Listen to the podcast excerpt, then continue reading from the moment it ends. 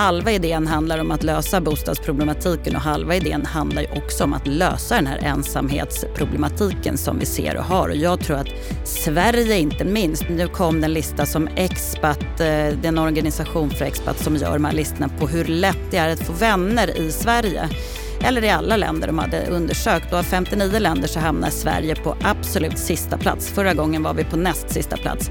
Det är svårt att hitta vänner och en kontext och ett sammanhang i det här landet. Så jag tror att vi verkligen behöver det här. Bostadsbristen är ett stort problem i vårt samhälle idag. Ensamheten är även den ett riktigt stort problem som vi behöver komma till rätta med. Kan co-living vara en del av lösningen? Detta sätt att bo som liknar ett kollektiv där jag har mitt egna lilla space men där jag delar många gemensamma ytor med andra. Där jag får ett sammanhang, ett annat sätt att bo. I den här veckans Bopolpodden så får du träffa Katarina Liljestam Beijer som är VD för Colive. Ett eh, nytt koncept som har funnits några år och som ökar, framförallt nu bland yngre.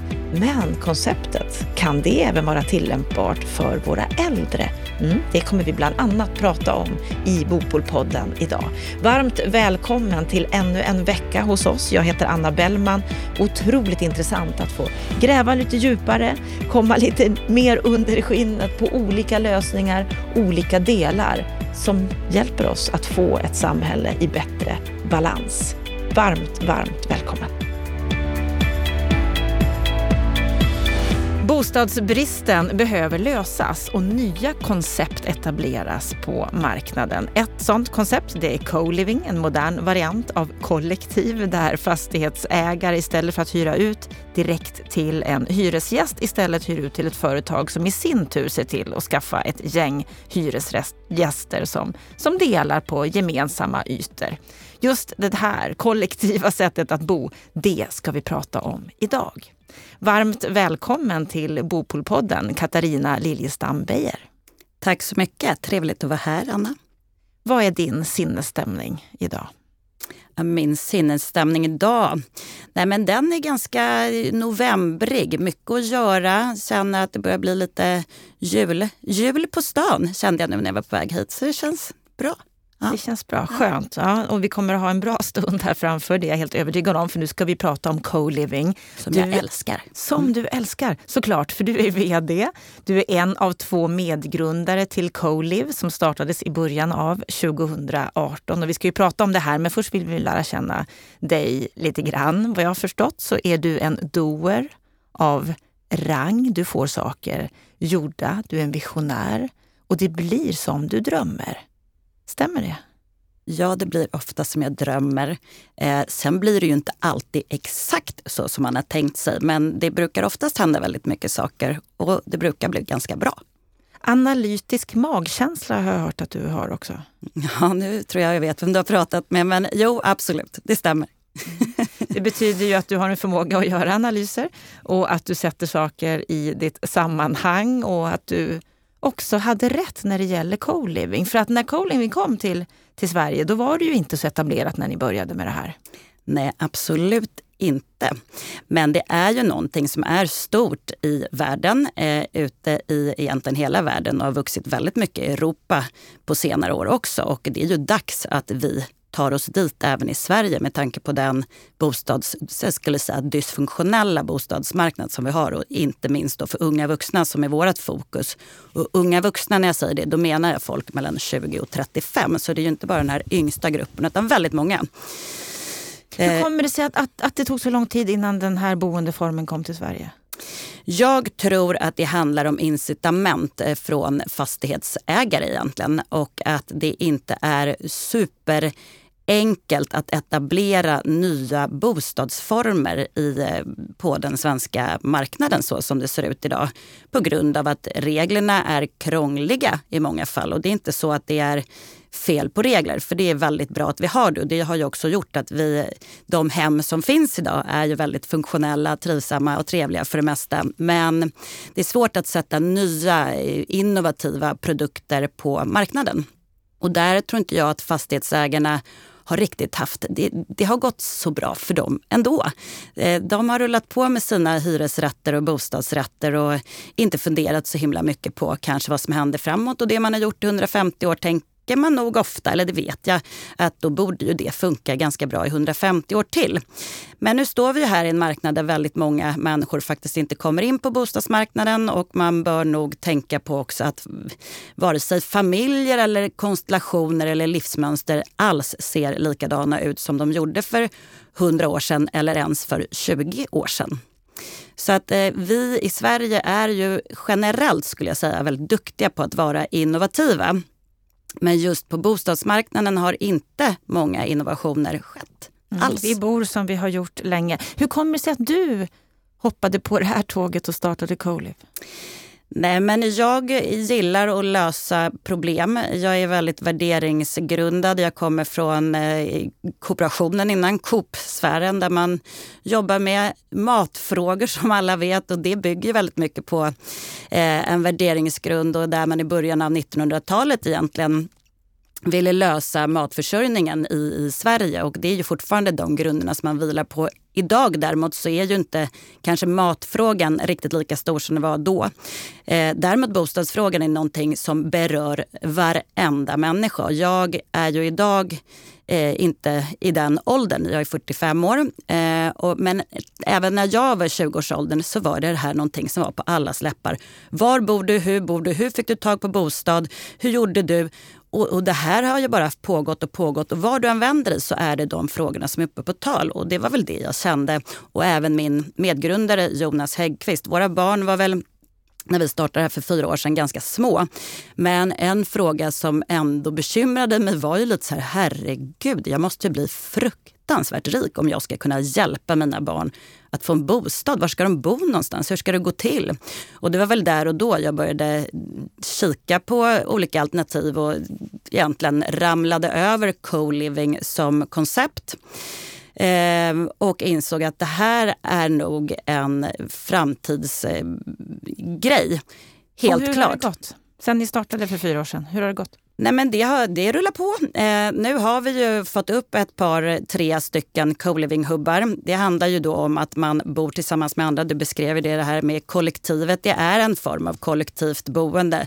Jag skulle nog säga mer 2.0. Vi är väldigt noga med att eh, alla ska kunna ha sitt privata space. Det är viktigt med egna du kontrakt. Du har alltid ditt eget rum, du har ditt eget kontrakt och så vidare. Du ska kunna ha en egen hemförsäkring. Och vad är det man delar?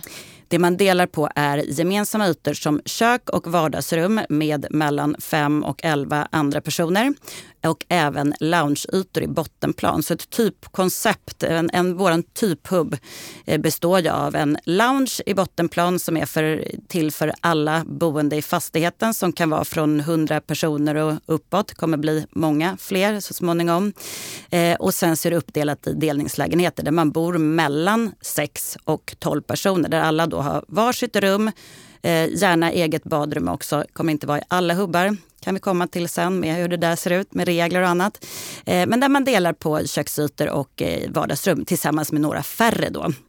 Men där det ändå krävs att jag gillar de här människorna som jag delar med. Ja, det är bra om man gillar dem man bor tillsammans med. Så där jobbar vi också med att eh, försöka matcha ihop människor så, så bra det går. Och försöker, eh, vi jobbar med ett, eh, ett system där för att få det att fungera bättre än slumpen. Men man kan väl säga så här att de flesta som flyttar till oss är ju också individer som gillar att befinna sig tillsammans bland andra människor och de flesta vill inte bo ensamma med de här personerna. Och det har vi märkt nu också efter och under covid-pandemin att många som faktiskt har bott ensamma har sökt sig till oss för att de just har känt sig isolerade. Och det behöver inte betyda att du inte har några vänner i annat fall. Men just det här med att kunna dela vardagen med någon om man är singel eller kommer från någon annan mm, ort i Sverige. Eh, många som flyttar in till storstäderna som inte har någon kontext. Svårt att hitta nya vänner i det här landet. Du kanske kommer, många expats har vi som kommer från olika delar av Europa, även Asien och USA. Som flyttar in och vill lära känna nya människor. Så många som drar sig till oss är ju också öppna för nya människor. Och det, är det låter som att det är en extrovert livsstil. Jag skulle säga att det absolut inte behöver vara det. För det finns verkligen många människor hos oss som inte är... Eh, det beror på, allt är ju en skala från att vara superintrovert till att vara väldigt extrovert. Men det handlar inte om att man ska behöva umgås med människor hela tiden. Och det tycker jag vi har bra prov på när vi pratar med våra hyresgäster som säger att ja, men det är så skönt för att här kan man ju faktiskt välja om man vill vara social eller inte. Alla har sina egna privata rum med ljudisolerade dörrar. Det är okej okay att låsa in sig. Det är ingen som förväntar sig att man ska vara ute och skutta jämt och ständigt. Men det finns alltid någon som vill hänga om man själv är sugen på det. Så att det finns absolut folk som är på den lägre delen av extro, extrovertskalan eller vad man nu kallar det för. Mm. Så det här är ett, ett, ett, koncept som ändå vänder sig till den som är lite mer utåtriktad, som vill tänka sig att bo i en mer urban miljö, som vill hitta sitt boende utan att betala för hela lägenheten själv. Absolut. Och som sagt, man behöver inte vara extrovert men det är bra om man gillar att ha folk runt omkring sig och har lust att heja på någon på morgonen eller på kvällen när man kommer hem. Och det här går bra? Ja, det Ni går ökar. jättebra. Nej, men det går jättebra. Vi har 10 000 eh, individer i vår eh, medlemsdatabas. Eh, folk som söker till oss hela tiden. Vi har följt i de hubbar vi har nu i Stockholm och har en lång pipeline med olika projekt som vi kommer att öppna. Och det är ju absolut inte så att vi bara tittar på Stockholm utan det är här projekten har dykt upp. Sen så är det ju flest eh, unga individer som söker jobb i Stockholm men även andra storstäder. Då har vi Göteborg där vi öppnar nästa år. Eh, och naturligtvis tittar vi även på liksom Malmö-Lund-regionen. Lund har vi projekt som också kommer öppna 23. Eh, tittar på flera, har flera projekt i Stockholm, bland annat Sundbyberg och Barkarby har vi två stora projekt. Det, det finns mängder i vår pipeline och även eh, större studentstäder naturligtvis. Så Uppsala, eh, vi har gud, alla dessa städer. Umeå, vi har pinpointat nio, nio större studentstäder i Sverige. Hur stort kan det bli? Vad drömmer du om? Ja, nej, men man får väl vara lite realist också och titta på hur stort är Sverige och ska man göra det utanför? Nu finns det ju, det, det finns ingenting som säger att Coliv inte kommer finnas i andra länder, men det finns mycket utanför Sverige, inte så mycket i Skandinavien. Men om man tittar på hur många som finns i målgruppen som vi vänder oss till totalt så är det drygt två miljoner människor som är mellan 20 och 35. Och alla de är ju inte, vissa lever redan i, i familjer och har barn, men tittar man också från andra hållet och ser hur många studenter exas varje år bara i Sverige, då är det 80 000 om året som sitter i studentlägenheter och ska skaffa sig någonstans att bo. Så att vi har väl landat på att någonstans mellan 100 och 200 000 bäddar finns det nog rum för i Sverige. För så här bor man inte i hela sitt liv, utan man bor så här i några år. Vi tror att man bor mellan sex månader och ungefär fyra år kanske. Det är vad vi tror och ser just nu. Nu har inte vi funnits så länge så vi får väl se framåt om folk bor kvar längre. Ja, för det är eh, inte något sista datum som man behöver flytta ut utan man får bo kvar om man vill. Man får bo kvar. I vissa av de här så får man bo kvar hur länge som helst. Sen så är det några mindre hubbar vi har där vi har fyra års gräns för att det är ungdom. Det beror lite på vilka, vilka bygglov man har sen tidigare. Men absolut, vi har inget behov av att köra ut folk utan det här ska ju vara ett tryggt boende. Eh, det viktigaste för oss är ju att folk som bor där trivs och sköter sig gentemot de andra hyresgästerna. Det är ju det som är, som är kravet för att bo. Och där har vi också, förutom då ett hyreskontrakt som är väldigt likt ett hyreskontrakt som man har på en vanlig traditionell hyresrätt, så skriver man också på en Code of Conduct eller uppförandekod kring just etik, moral och att det ändå är viktigt att tänka på att man bor tillsammans med andra människor, att ta hänsyn. Har ni varit tvungna att avhysa någon som inte har skött sig? Det har hänt. Det har hänt, ja. Då ger den ju effekt, denna Code of Conduct. Du, du säger ju här att det är för människor mellan 20 och 35 år ungefär. Men jag läste en artikel med dig i Fastighetsnytt där, där, där det står så här att efter ett speciellt år med hemmajobbande från 20-talsvillan i Bromma så ser Katarina Liljestam Beijer fram emot pensionen där ett co-living-boende är det självklara valet. Men än är det långt kvar till dess för 44-åringen som älskar att bryta ny mark. Mm. Stämmer det att det här är något även när vi kommer till pensionen? Alltså, jag? jag tror att det här är egentligen världens grej för pensionärer. Då kan jag verkligen säga att vi har haft så, det gick ner lite under covid ska jag säga, men vi har haft så mycket mycket, framför allt i och för sig då kvinnor skulle jag säga, men väldigt mycket pensionärer som har ringt och varit lite upprörda för att de inte får flytta in. Jag tror att det segmentet är eh, nästa därför att det finns så mycket ensamma äldre människor som inte vill annat än att bo tillsammans med andra i någon form av kontext. Då kanske inte just det här eh, konceptet där vi har ganska små rum är, det kanske inte ser exakt likadant ut, men just det här med att ha gemensamma ytor och lounger där folk kan umgås. Jag tror att det är helt suveränt. Det, vi behöver ju det i Sverige. 58 procent i Stockholm är, av hushållen är ensamhushåll. Och med det digitala som har kommit, jag menar jag är verkligen inte någon digital motståndare på något sätt, men det som har hänt är ju att det är ju otroligt lätt att faktiskt aldrig behöva gå ut genom dörren överhuvudtaget. Du gör alla bankärenden, alla eh, shoppingärenden. Allting kan du göra på nätet. Du behöver, Foodora kommer hem och levererar maten. Du behöver inte gå ut. Det jag funderar på det är ju att det har ju gått ganska fort för er. Från det att ni tänkte att ni skulle starta det här tills dess att ni fick då ett kontrakt med Wallenstam, kunde starta upp er första hubb och sen nästa och så, och så vidare.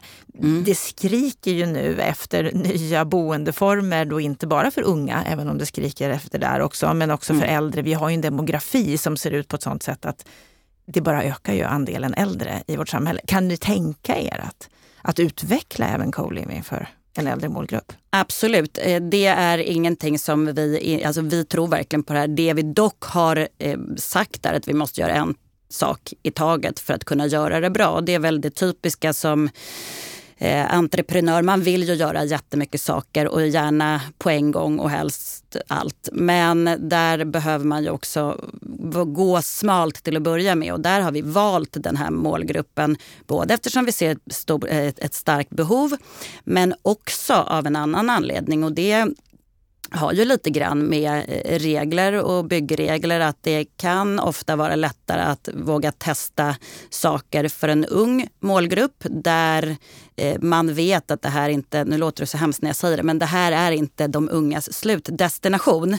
Utan de rör fortfarande på sig. Vad det gäller pensionärer och äldre så kanske det blir så att man stannar kvar längre. Och då tror jag att man måste se över eh, reglerna ännu mer så att det blir riktigt eh, bra på sluttampen. Så det är lätt, vi har ansett det vara lättare att plöja den här marken till att börja med. Men jag är helt övertygad om att det här är början. Eh, sen, ja. ja. för ni har ju inte hållit på så jättelänge än så länge. Nej. Om man tittar då på upplåtelseformen, du har varit inne på det, att det här är hyra mm. av bostad. Mm. Jag skriver på ett hyreskontrakt och en mm. code of conduct. Mm. Vad ingår i den här hyran? Mm.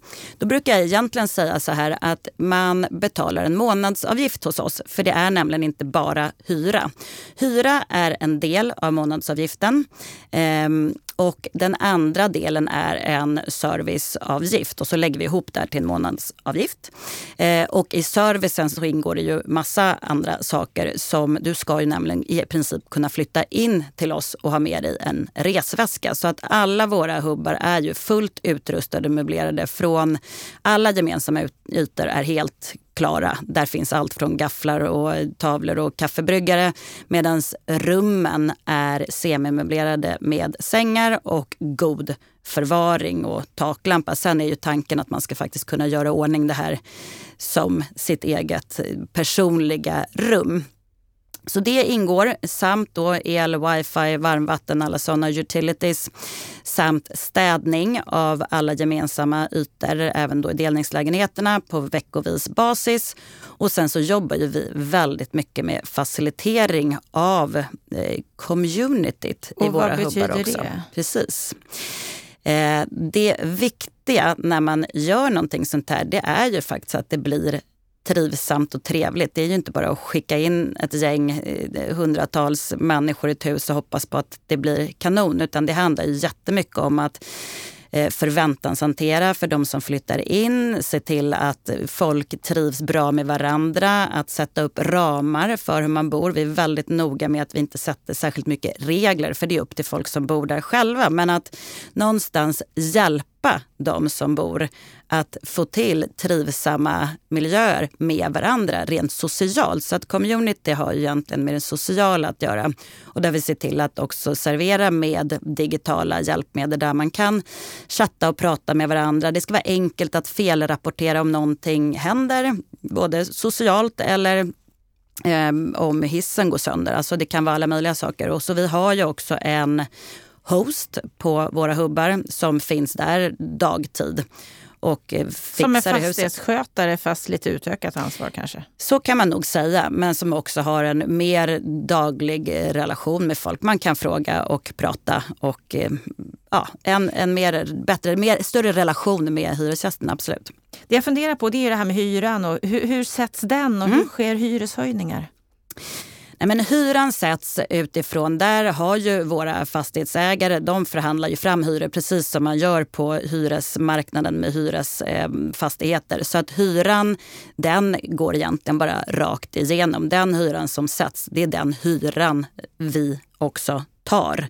Så vi gör aldrig några marginaler på vår hyra utan det har ju vi sen att se till att ta in på servicesidan. Och där är det ju också då som är det som är så fint med delningsekonomin, då, för det är ju det vi pratar om här, är att naturligtvis så är det ju, kan ju vi få bättre priser på många av de här sakerna som vi lägger på när man förhandlar för ett hundratal individer kring wifi, el, olika typer av service och möbler. Så att det är ju vårt jobb sen att få fram en marginal i servicedelen. När det gäller förhandling av hyra? Mm. Kan man göra det? Eller hur, hur Med oss kan man inte förhandla om hyran. Nej, utan hyran, den, vi, hyran förhandlas ju med Hyresgästföreningen eller någon annan via, via fastighetsägaren. Sen får vi en, en, en klump. Sen ska vi se till att betala den helt enkelt. Kan man jämföra med studentlägenheter? Ehm, ja, det kan man faktiskt göra. Det är inte alls särskilt konstigt att jämföra med studentlägenheter och studentkorridorer. Det som skiljer det vi gör med en, en klassisk studentkorridor skulle jag säga att det är just det här med korridoren. Eh, därför att det vi jobbar mycket med är ju att försöka få ner antalet kvadratmeter generellt. En snittetta i Sverige idag är 35 kvadratmeter ungefär. En nybyggd snittetta idag är väldigt dyr för en ung person att betala för. Det vi vill är få ner de här kvadratmeterna mot 20 kvadratmeter strecket. Vi är inte riktigt på 20 än, men så att vi ligger på 21-22. Och det är det man ska betala, liksom, det är det hyran sätts efter. Eh, och då vill vi få in så mycket eh, umgängesytor i det här också. Så att man har inte jättestora rum utan då är ungefär hälften av det där ett privatrum. Så det ligger någonstans runt 10. Och övriga ytor delas med alla andra. Och så att när jag pratar om att vi har vardagsrum och kök, då är det riktiga kök och riktiga vardagsrum med soffor och mys och tv-apparater och det finns en loungeyta med storbildsskärm i bottenvåning. Det handlar väldigt, väldigt mycket för oss om att skapa gemensamhetsytor som är mysiga. Och det har man kanske inte fokuserat så mycket på i studentkorridorer. Då. Vi har ju också pratat med studenter och det är just det här, ja, har man tur så finns det ett eh, köksbord kanske som är lite trasigt men det finns ingenstans att vara. För det är ju det, har du massa människor att umgås med, ja ska du sitta på rummet på sängen, ja, inte lika mysigt. Så att mycket fokus på det sociala. Vad kostar det då? Våra priser ligger idag mellan 6 995 kronor och inne i stan har vi priser upp mot 10 000 målsättningen eh, är ju att vi ska kunna ligga på en nivå och då ska vi liksom eh, komma ihåg att det är all inclusive med allting. Målsättningen är att vi ska ligga någonstans runt 7000 kronor eh, per månad med en all inclusive pris. Det är vårt mål. Det är lite hotellverksamhet. Jag skulle säga att det ligger, eh, ja eh, eller nej. Så här, det är ju inte samma service som på ett hotell men det är mer, vi driver ju det här mer som en hotellverksamhet än, än ett, som ett vanligt fastighetsbolag där vi bara hyr ut mm, väggar och tak. Så att absolut, det här är ju bo, en bostad med en högre nivå av service men fortfarande har vi inte butlers som springer runt hela dagen och levererar roomservice. Finns det en efterfrågan på det här från fastighetsägares håll? Nu har vi börjat se det och det är ju väldigt roligt för det här har ju liksom lite vänt. Eh, 2018, en fruktansvärt varm sommar vill jag minnas, då gick vi så mycket och sålde in vårt projekt. Jag har aldrig haft så mycket skavsår i mitt liv. Från fastighetsägare till fastighetsägare och det var många som drog på smilbanden och undrade men vad 17, va? vill folk verkligen bo så här? Herregud. Men sen den dagen vi skrev vårt första kontrakt eh, med Wallenstam och framför allt nu sen vi faktiskt har någonting att visa upp. Så ja, nu kommer fastighetsbolag till oss och vill göra det här. Så att det finns en jättestor vilja både från fastighetsbolag och även från jättemycket intresse från kommuner som ser att fasen det här är ju ett jättefint sätt att kunna få unga människor till vår kommun som kanske vill stanna här och bosätta sig här eh, i resten av sitt liv. Vad vet jag. Så att ja, idag gör det Idag gör det det och då finns det ju alla möjligheter att öka Absolut. andelen rum och bostäder också. Du nämnde ju här att under, under coronan så har eh, många velat ta sig till ert typ av boende. Ensamheten har varit för stor för många och du nämnde ju här själv att i Stockholm så är det nästan hälften av alla Ja, mer, hushåll. 58 procent. 58 procent. Mm. Jag tror Sverige så ligger siffran på Då 40 ligger det på totalt. 36 Ja, 36. Mm. och genomsnittet i Europa är 27. Så Ja. vi ligger ju väldigt mycket högre i Sverige än andra länder. Vi har världsrekord i att bo ensamma. Så att, Kan det här vara en lösning på ensamhetsproblematiken som vi har? Tror du? absolut. Halva idén med det här är ju, liksom halva idén handlar om att lösa bostadsproblematiken och halva idén handlar ju också om att lösa den här ensamhetsproblematiken som vi ser och har. Och jag tror att Sverige inte minst, nu ska vi se vilken lista det är. Nu kom den lista som Expat, eh, det är en organisation för Expat som gör de här listorna på hur lätt det är att få vänner i Sverige. Eh, eller i alla länder de hade undersökt. Och av 59 länder så hamnar Sverige på absolut sista plats. Förra gången var vi på näst sista plats. Det är svårt att hitta vänner och en kontext och ett sammanhang i det här landet. Så jag tror att vi verkligen behöver det här.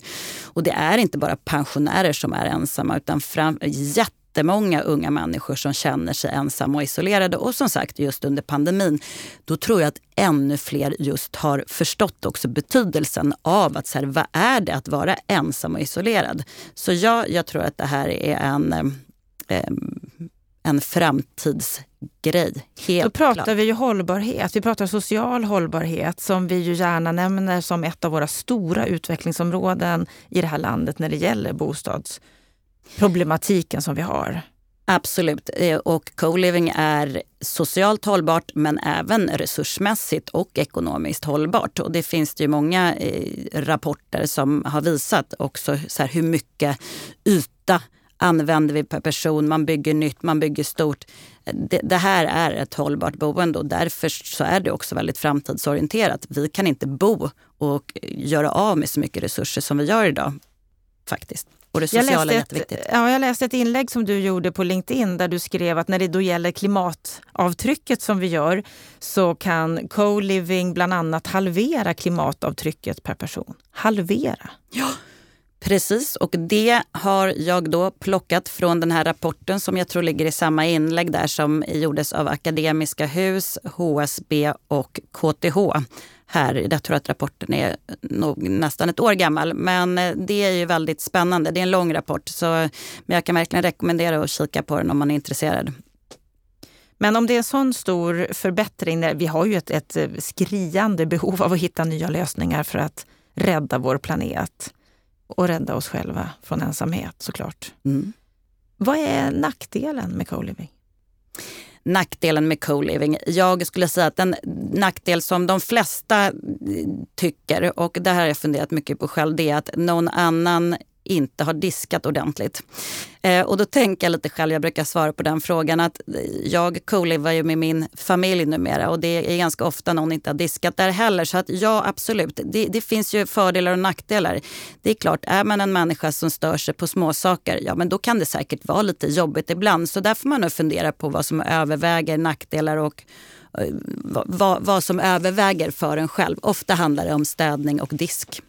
Det är nackdelen, att jag kan störa mig på, Ja. på dem jag delar kök tillsammans med. Ja. Men i övrigt?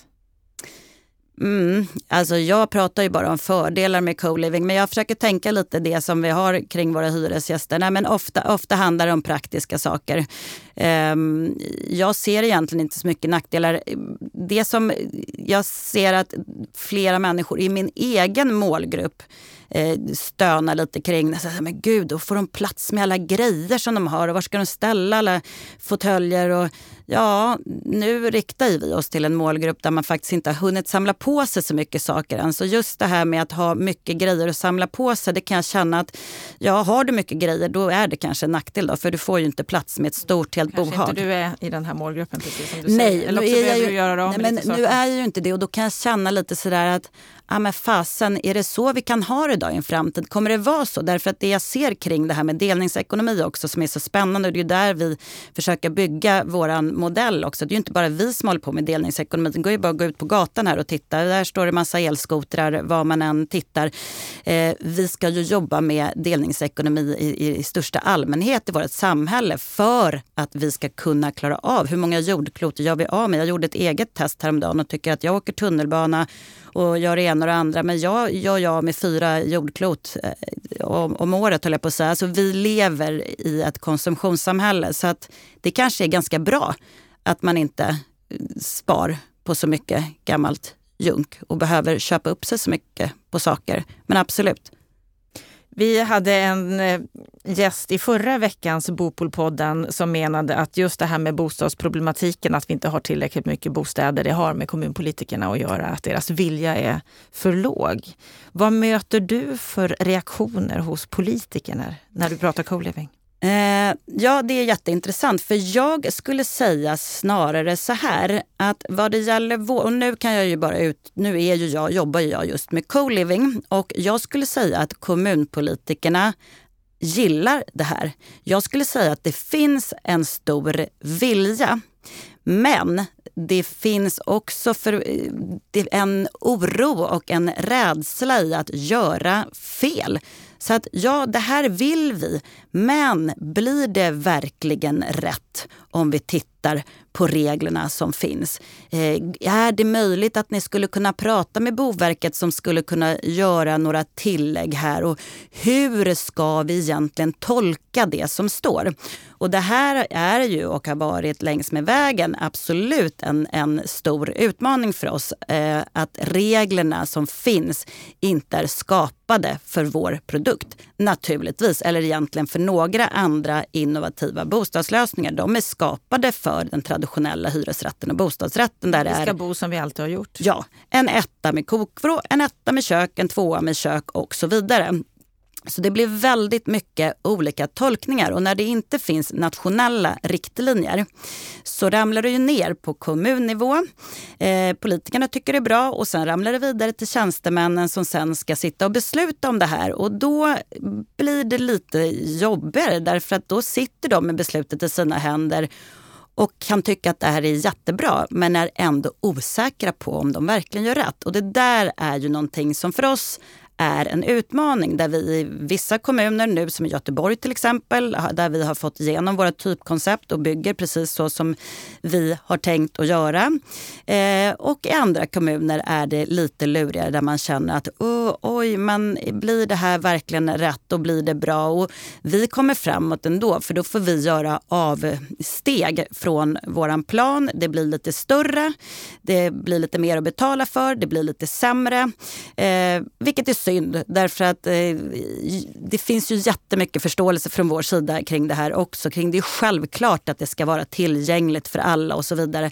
Men frågan är om man inte faktiskt kan göra, när man har säkrat tillgängligheten, kan det inte vara okej att göra avsteg från från de här riktlinjerna ändå. Så att vi behöver ju liksom komma framåt tillsammans med... Vad förväntar du dig från politikerna när det gäller det här?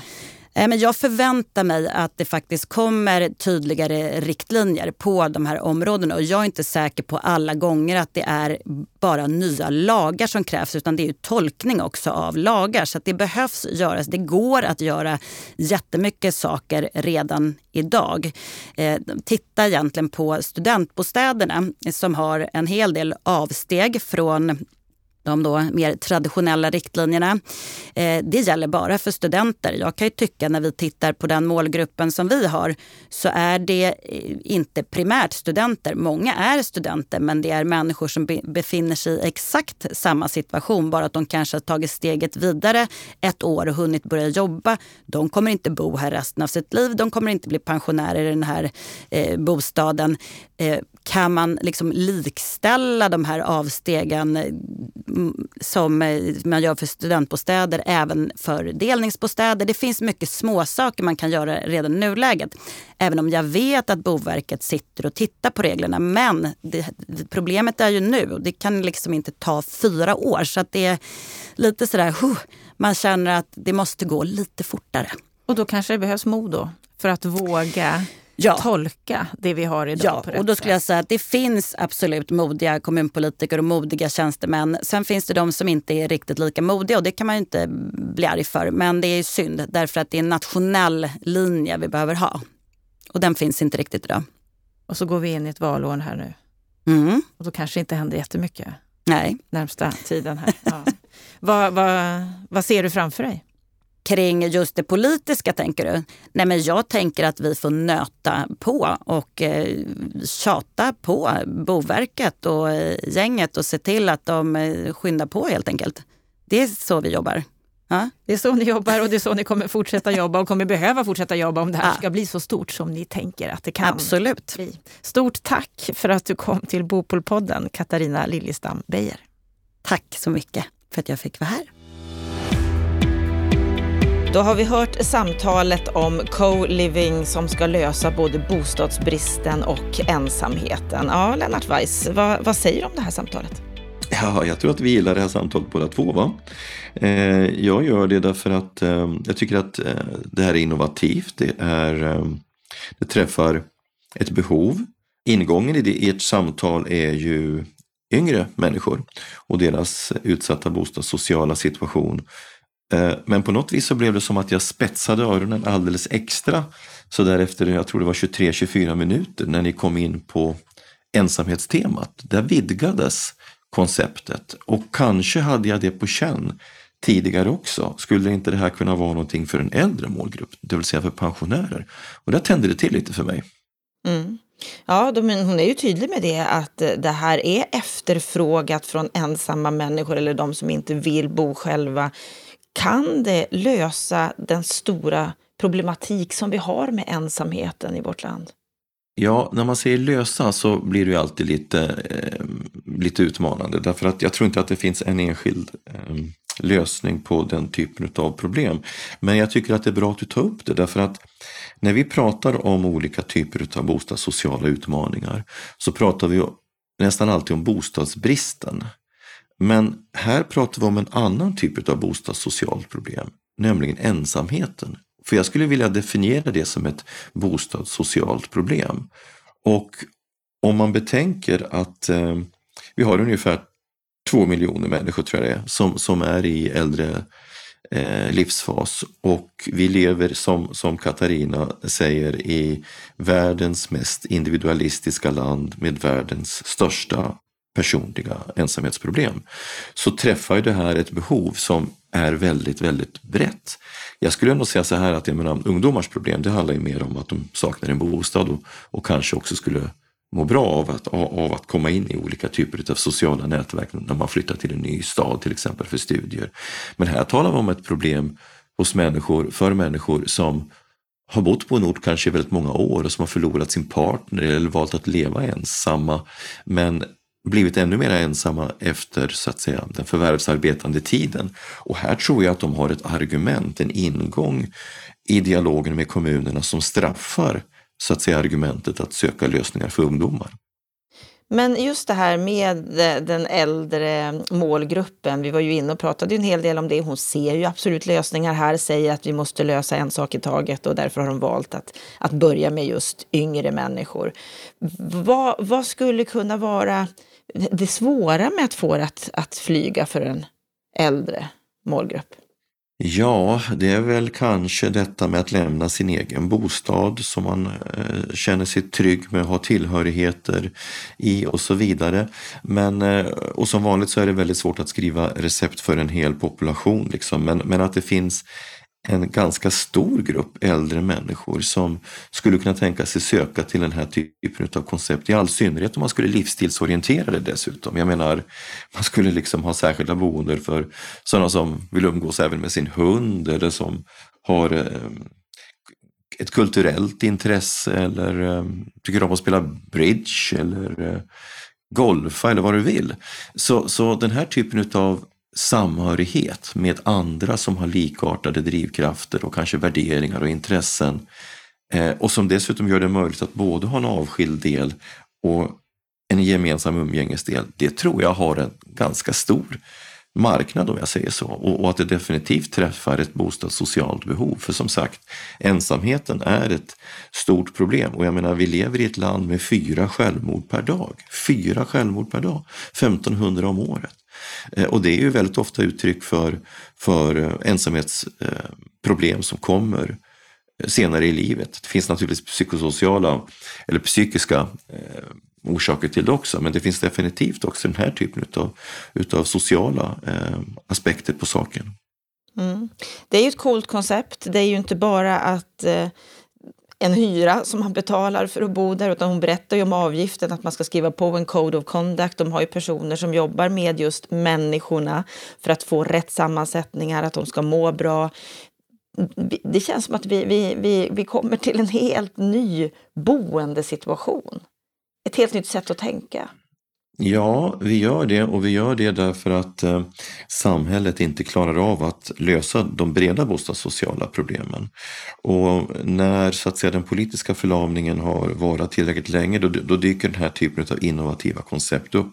Det är inte så många veckor sedan eller månader sedan som vi hade Bokop inne i Bopolpodden om ytterligare några veckor så kommer vi att eh, släppa fram ytterligare ett sånt här ungt entreprenörsinitiativ som heter BOSAM. Eh, och så har vi detta och det finns andra. Och det är ett uttryck för att politiken inte löser sin uppgift. Och är det bra eller dåligt då att sånt här dyker upp? Ja, man kan ju inte vara emot det. Då är man ju stockkonservativ. Utan jag tycker ju att alla sådana här initiativ är intressanta och spännande och det är också väldigt kul att se hur man faller in Eh, och finner olika lösningar som, som det du beskriver med eh, personligt, alltså någon som jobbar med, med personliga kontakter, med eh, att etablera liksom en gemensam livsstil och så, att stötta människor som bor i den här boendeformen. Jag tycker det är innovativt, det är bra och eh, det faktum att det finns ett intresse, det vittnar ju i sig om att det här är ett koncept som fungerar. För hur många? Ja, det vet vi inte, men tillräckligt många för att det ska vara motiverat att faktiskt släppa fram den här typen av lösningar. Att co-living kommer att finnas kvar, att det kommer att växa, det känner vi oss ganska övertygade om efter samtalet här med Katarina Liljestam Beijer. Och precis som Lennart säger, vi kommer att fortsätta att lyfta fler initiativ, fler engagemang när det gäller hur vi ska komma till rätta med bostadsproblematiken, men också med ensamheten i vårt land. Stort tack för att du lyssnar på Bopolpodden. Vi har en intressant vecka framför oss. På fredag då hörs vi igen. Då är det dags för veckans Aktuellt med det mest intressanta som har hänt under veckan som har gått. Och gå gärna in på sajten bostadspolitik.se där du hittar mer artiklar och rapporter och intressanta grejer som har med bostads och fastighetsområdet att göra. Ha en riktigt, riktigt fin vecka.